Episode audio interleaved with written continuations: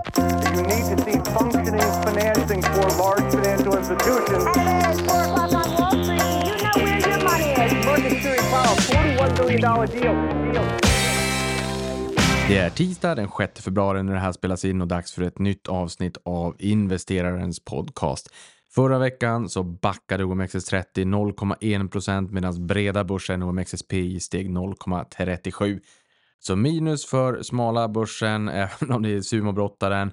Eh, plus för breda börsen och det där beror nog en del på att vi hade ett kraftigt fall för Hennes och Mauritz, sjunde sämsta börsdagen på 30 år. I USA noterade S&P 500 nytt börsrekord påeldat av starka rapporter från bland andra Amazon och Meta Platforms, det vill säga tech-tungt då samtidigt som en urstark NFP-siffra, alltså non-farm payroll, sysselsättningen utanför jordbrukssektorn la sordin på stämningen genom att ge räntehökar vatten på sin kvarn. Vissa pratar nu om no landing, alltså att ekonomin är så pass stark att det blir varken hard landing eller soft landing utan faktiskt no landing. Och här får vi ju se vad det innebär då för Fed ehm, och huruvida de kommer att eh, sänka och när de kommer att sänka det är ju det lite grann som har varit temat för det här året, att vi gick in med tomterally i ryggen baserat på att vi hade sett räntepiken, inflationen kommer ner rejält. Men nu har vi fått stark data som gör att man kanske inte i samma utsträckning förväntar sig en sänkning i mars och kanske inte lika många sänkningar i år som tidigare heller så att kanske eh, att den första sänkningen kommer lite senare och att det blir lite färre sänkningar än vad man tidigare trodde. Och när jag säger man så är det såklart så att Fed har ju sin bild av det hela och marknaden har ju en annan och där har vi sett en ganska stor diskrepans. Och gapet mellan den där, eh, alltså spreaden kommer ju att eh, tajtas ihop och minska i takt med att vi får mer data naturligtvis och ju längre in på året vi kommer. Men nu befinner vi oss i februaribörsen och historiskt har ju det här varit en av de starkaste månaderna. Man brukar säga att aktier är en vintersport och februari har som sagt varit en väldigt, väldigt stark börsmånad historiskt. Vi har inte sett det, i alla fall inte inledningen nu här äh, i år ännu. Och ska vi sätta en siffra på det här, alltså sedan 1990 har februari gett en avkastning på 1,97 procent i snitt. Tar vi senaste 10 åren istället, det vill säga att begränsar oss, tar bort 20 år, senaste 10 åren så är det plus 1,01. Det vill säga väsentligt mycket sämre, alltså en halvering av den genomsnittliga avkastningen. Men tar vi bort coronakraschen i februari 20 som började 20 februari 2020 då och krigsutbrottet 2022 eh, kan man ju tycka vad man vill om det såklart. Men exkluderar man det så har vi sett en uppgång på 2,92 procent. Så att exkluderat coronakraschen och krigsutbrottet så har faktiskt februari de senaste 10 åren, det vill säga 8 av 10 år då, eh, varit väldigt starka. Ett utropstecken under förra veckan var ju Facebooks moderbolag Meta Platform som rusade 20,32 procent efter sin rapport för att vara exakt. Intäkterna steg 25 procent och kostnaderna minskade 8 procent year on year var på vinsten per aktie steg 203 procent. Här kan man ju onekligen prata om operativ hävstång. Intäkterna upp, kostnaderna ner. Det är mumma för marginalerna. Det stora utropstecknet här är dessutom att de inför utdelning för första gången någonsin. Det här fick börsvärdet att öka 204,5 miljarder dollar och det är den största ökningen någonsin under en enskild handelsdag i USA. Faktum är att det också överstiger värdet på hela midcap och small cap i Sverige tillsammans. Eh, och här kan vi notera att aktien har stigit 439 procent sedan 4 november 2020.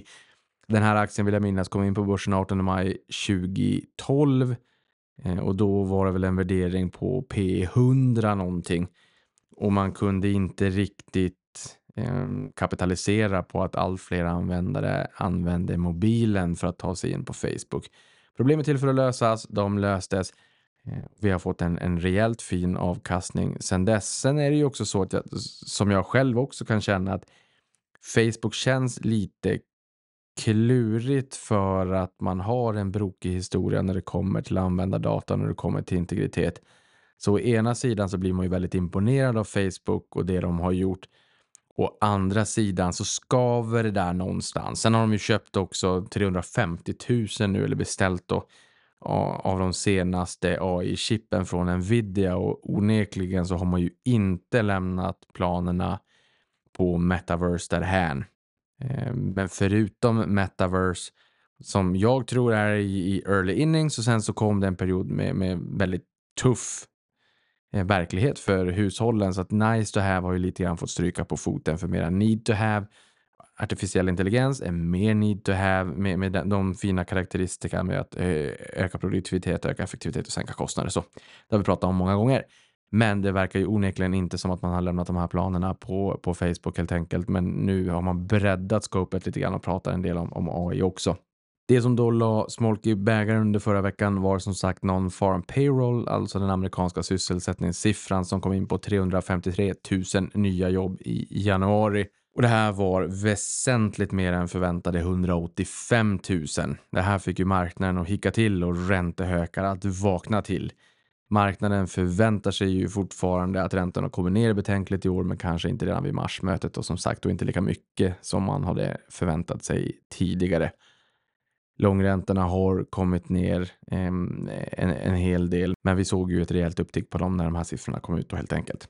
På noteringsfronten så har jag noterat att EQT enligt Financial Times har återupplivat sina noteringsplaner för hudvårdsbolaget Galderma i Schweiz. Noteringen kan komma att ske så tidigt som under första halvåret 2024 och värderingen sägs uppgå till över 200 miljarder svenska kronor.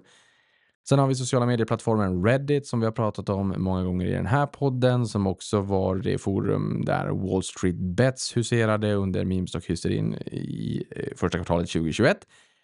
Jag nämner alltid och jag vet att Reddit är ett otroligt stort forum som har en stor del av global trafik förutom Netflix och YouTube och Facebook och, och, och allt vad det är så att säga. Det är en enormt stor plattform. Men för börsintresserade så, så, är det klart att man ändå kopplar ihop Reddit lite grann med memestock-hysterin. Men i alla fall, Reddit har vi ju hört rykten om i evigheter nu att de ska komma till börsen, men nu uppges de ha valt New York Stock Exchange Nyse för sin kommande notering enligt Wall Street Journal. Sen noterar jag också att det kommer in en del bolag i USA faktiskt löpande var varje vecka. Ett sånt som nu kommer in här är Perfect Moment som noteras på New York Stock Exchange Nyse den här veckan. Bolaget som grundades i franska alperna vid Charmonix år 1984 tillverkar skidkläder av premiumkvalitet, det de kallar för luxury skiwear. Det här är alltså ett bolag vars aktie då noteras den här veckan. Sen har vi några spaningar. En sån är ju att regeringen vill ta bort avdraget för ränteutgifter på värdepapperslån, alltså lån där man har aktier som säkerhet. Här tycker man ju att ränteavdraget ska vara kvar på bolån, bil, båt etc. Men eh, har faktiskt valt att exkludera värdepapper då i sin promemoria. Det här är ju inte bra. Eh, det här är ju någonting som eh, rimligtvis borde ändras. Här är det ju många i branschen som föga förvånande har yttrat sig i frågan och jag är ganska eh, trygg med att det borde finnas en öppning för att ändra det här. Det är alltså ute på remiss eh, så att man väntar på att få in remissvaren då. Det kommer ju onekligen komma en hel del svar från eh, olika branschaktörer. Så att eh, peppar peppar, det här borde vi kunna få till en ändring på så att eh, värdepapperslån alltså inte undantas utan det man vill komma åt det är ju sms-lån, blankolån så aktier och aktielån är ju någonting annat kan jag tycka. Sen har vi Barchart som noterar att megacaps inom tech outperformar small caps med bredaste marginalen sedan den absoluta toppen under IT-euforin. Småbolag har inte kommit tillbaka sedan toppen 2021 eh, ens i närheten av många av de stora bolagen som inte bara har kommit tillbaka, de har ju också drivit på rejält mycket norröver. Och det har ju att göra i mångt och mycket med den enorma AI-boom som vi nu ser, generativa AI-boom som börjar sprida sig allt mer där ute. Jag menar, här har jag pratat ganska ofta om att vi borde se en breddning i uppgången. Så att inte bara ett antal bolag, stora sumobrottare driver börsen norröver utan att vi ser att allt fler aktier faktiskt driver uppgången och det som vi har sett den senaste tiden är ju att det är en specifik trend, snackis som driver och det är ju generativ AI. Och där har vi sett att Nvidia som är poster child har gått väldigt, väldigt bra. Bottnade på en bit över 100 dollar. Nu har den gått upp över 700 dollar här i, i veckan. Eh, sen har vi AMD också med Lisa Su som är ett jag ska inte säga pure play, men också ett play mot AI naturligtvis. Men därifrån tycker jag mig faktiskt att vi har sett en breddning av bolag som rider på den här vågen. Ett sånt är Supermicro Computer som har rusat 686 procent senaste året och 1978 procent senaste tre åren. Och det här är ett bolag som är en partner då till Nvidia och rider då på den här febriga AI-boomen som vi faktiskt bevittnar just nu. En styrelseledamot i bolaget tankar aktier för 1,14 miljoner dollar efter den här uppgången på nästan 700 procent senaste året. Ehm, och bolagets vd här sa nyligen citat “Very confident that this AI boom will continue for another many quarters, if not many years”. Slutcitat. Och här har vi också haft väldigt bullish uttalanden från Lisa Su på AMD och även Jensen Huang på Nvidia. Och jag tänker mig att ja, det är möjligtvis lite bubbligt där ute och inte bara möjligtvis, det är, eh, liksom, det är väldigt, väldigt febrigt. Men det här är ju inte heller personer som skulle uttala sig och säga saker och ting bara för att trycka upp aktiekursen.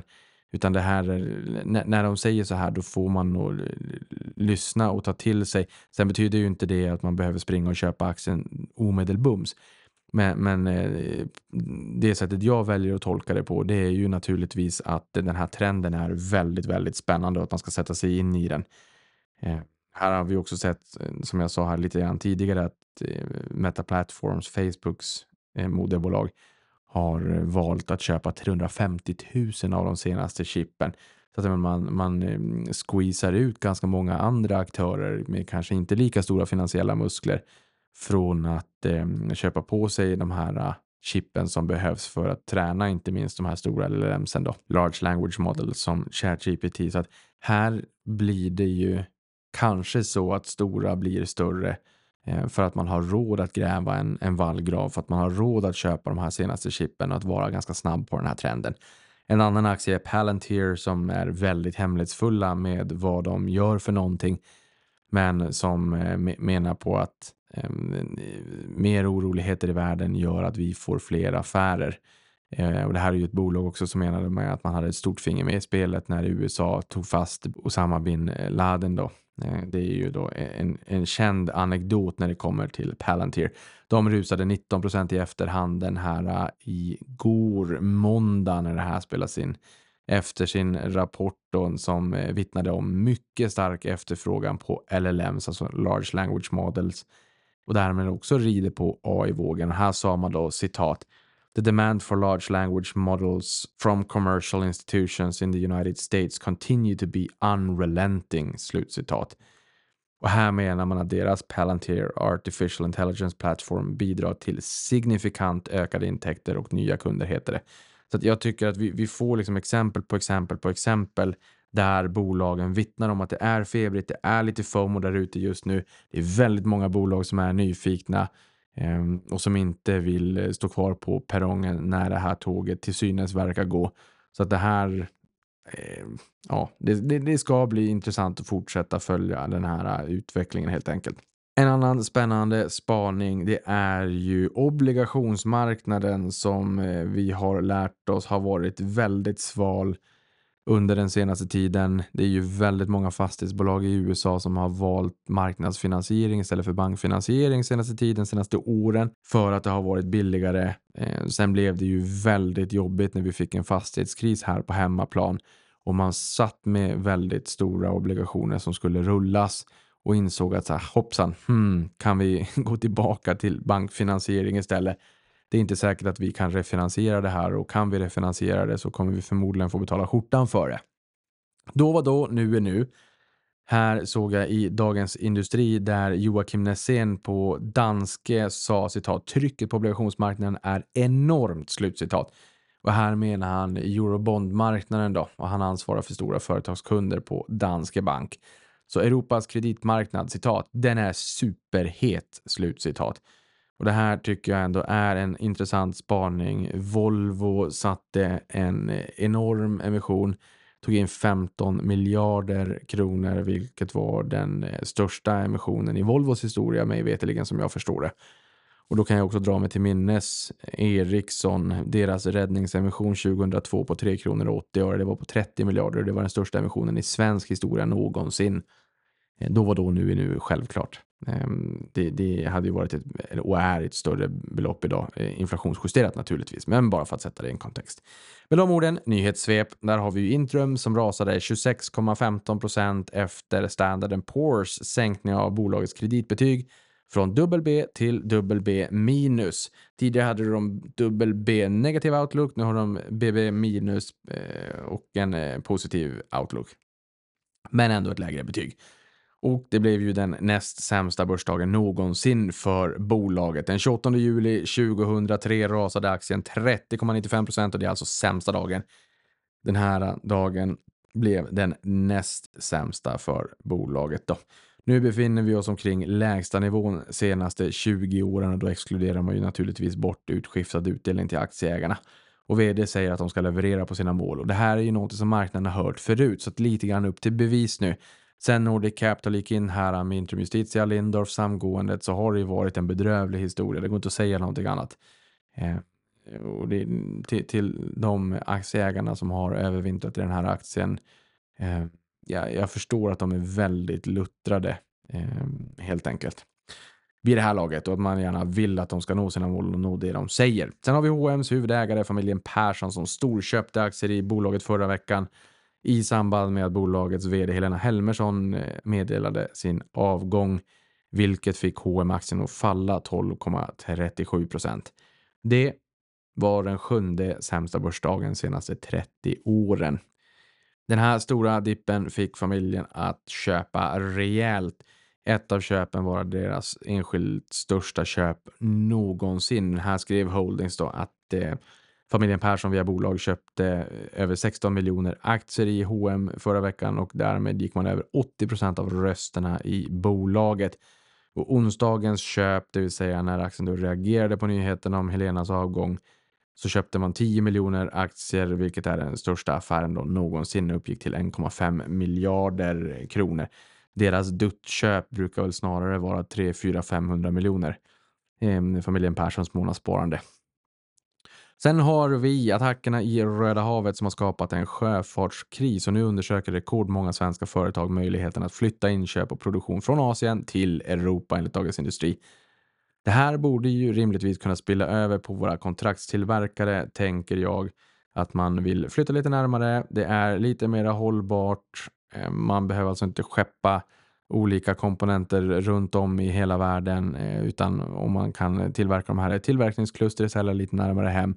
Och sen minskar ju också risken, inte minst för att man stänger hamnar under en pandemi. Nu, nu är vi ju postpandemi men, men en sån här sjöfartskris gör ju att ehm, ledtiderna förlängs ganska mycket. Ska man runda Afrika så tar det nio dagar extra har jag lärt mig. Eh, och bränslenotan rusar någonstans 50 procent enligt AP Möller Maersk. Eh, och det, det, här är ju, det är ju en operationell risk naturligtvis. Så att, eh, det, det verkar som att trenden med att diversifiera eh, tillverkningen, försörjningskedjorna fortgår. En del har vi sett gå mot Sydostasien och en del ser vi nu uppenbarligen verkar gå mot Europa. Då.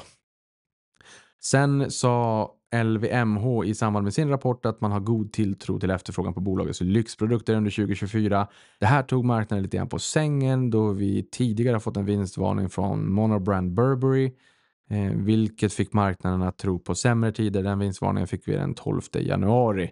Och här kan jag notera att sedan 17 januari har LVMH rusat över 21 procent så det har varit en ganska rejäl, eh, eh, både rejäl och snabb uppgång sen efter den här rapporten där man då sa att man har en god tillförsikt till lyxmarknaden i år och vittnar ju också om att ehm, eh, det finns en, en eh, charm i att inte bara stå på ett ben och ett brand, ett varumärke så att säga. Eh, LVMH är ju världens största lyxkonglomerat med eh, väldigt, väldigt många olika varumärken. Säg någonstans ett 70-tal i alla fall. Sen har vi Amazon som lanserar en digital shoppingassistent som heter Rufus, powered by generative AI.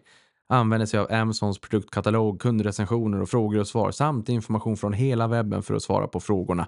Vilket är väldigt bra. Amazon globalt har över 400 miljoner artiklar på sin hemsida, inte fullt lika många i Sverige på den svenska sidan.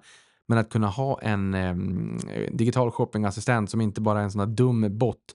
Det är det enda man egentligen försöker säga så här, hej jag vill prata med en riktig människa. Inte den typen av bottar, utan en generativ AI-bot som faktiskt kan svara på, på det, det, du frågar och till och med ge ett svar som du kanske inte ens förväntar dig, utan bättre än det du förväntar dig. Det här känns ju eh, som en ett lågt hängande frukt för just ett bolag som Amazon, men också väldigt spännande att se. In och, och sök på Twitter eller på, på Google så kommer du kunna se lite videos också hur, hur det ser ut. Sen har vi Alphabets YouTube Premium som har passerat 100 miljoner abonnenter och avser då både YouTube Music Premium och YouTube Premium samt provperioder, så att eventuellt lite luft i de där siffrorna, men ändå. Och låt oss då komma ihåg att marknaden nästan satte kaffet i vrångstrupen när YouTube köptes upp 2006 för en miljard dollar. Då var då, nu är nu. Sen har vi ju Apple, Tim Cook, som twittrade ut att när eh, Apple Vision Pro skulle lanseras den 2 februari, vilket nu har lanserats, verkar ju också som att förhandsorderna har gått som smör i solsken och här säger man att man kommer att kunna eh, ladda ner över en miljon appar inkluderat då 600 appar som är utformade, utvecklade specifikt för Apple Vision Pro. Ehm, och här menar att kreativiteten hos utvecklarna är amazing. Um, and this is just the beginning, endless possibilities await. Det, det är det här jag också tycker är lite spännande nu när Apple har gett sig in i den här trenden, vilket också visar utvecklarna, content creators, att det här är någonting man tror på. Så att eh, Tim Cook, Apple ger medvind i seglen, så vi kommer förhoppningsvis se ännu mera kreativitet, ännu mera fokus, ännu mera content som utvecklas till VR, AR, mixed reality. Så att riktigt spännande. Sen har vi ju Evolution som kom med sin rapport här nyligen där rörelseintäkterna steg 16,6 procent year on year samtidigt som rörelseresultatet ökade 21 procent under samma period. Utdelningen den höjs delikata 32,5 procent. Det är ord och inga visor när det kommer till utdelningstillväxt. Här landade rörelsemarginalen för helåret på 63,5 procent och vinstmarginalen på 59,5 höga marginaler onekligen.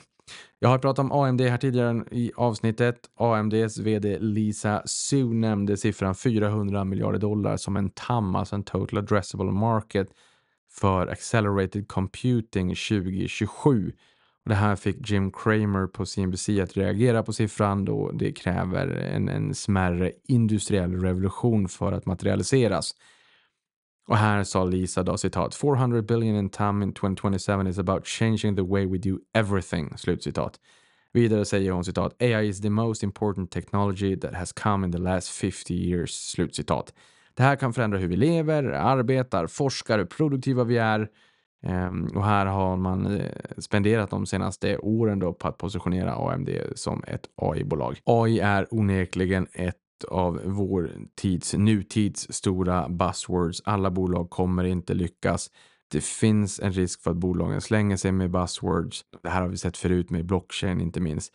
Så det gäller just en hemläxa, det gäller att vara kritisk, men trenden är spännande eh, och det verkar gå väldigt fort där ute. Sen har vi på samma tema, det blir så himla mycket och jag ber om ursäkt för det, men det, det är spännande. Eh, och här har vi ytterligare ett citat då, eh, från rapportsäsongen som lyder så här och det kommer från Microsofts vd Satya Nadella. Citat, “We moved from talking about AI to applying AI at scale”. Slutcitat. Och sen eh, fortsätter det citat. “By infusing AI across every layer of our tech stack, we're winning new customers and helping drive new benefits and productivity gains across every sector”. Slutcitat. Och som sagt om Microsoft vd Satya Nadella. Med de orden så är eh, podden över för den här veckan. Avkastning på dig så hörs vi igen nästa vecka förhoppningsvis med lite spännande spaningar även då för vad som har skett den senaste veckan. Stort tack för att du lyssnade på det här.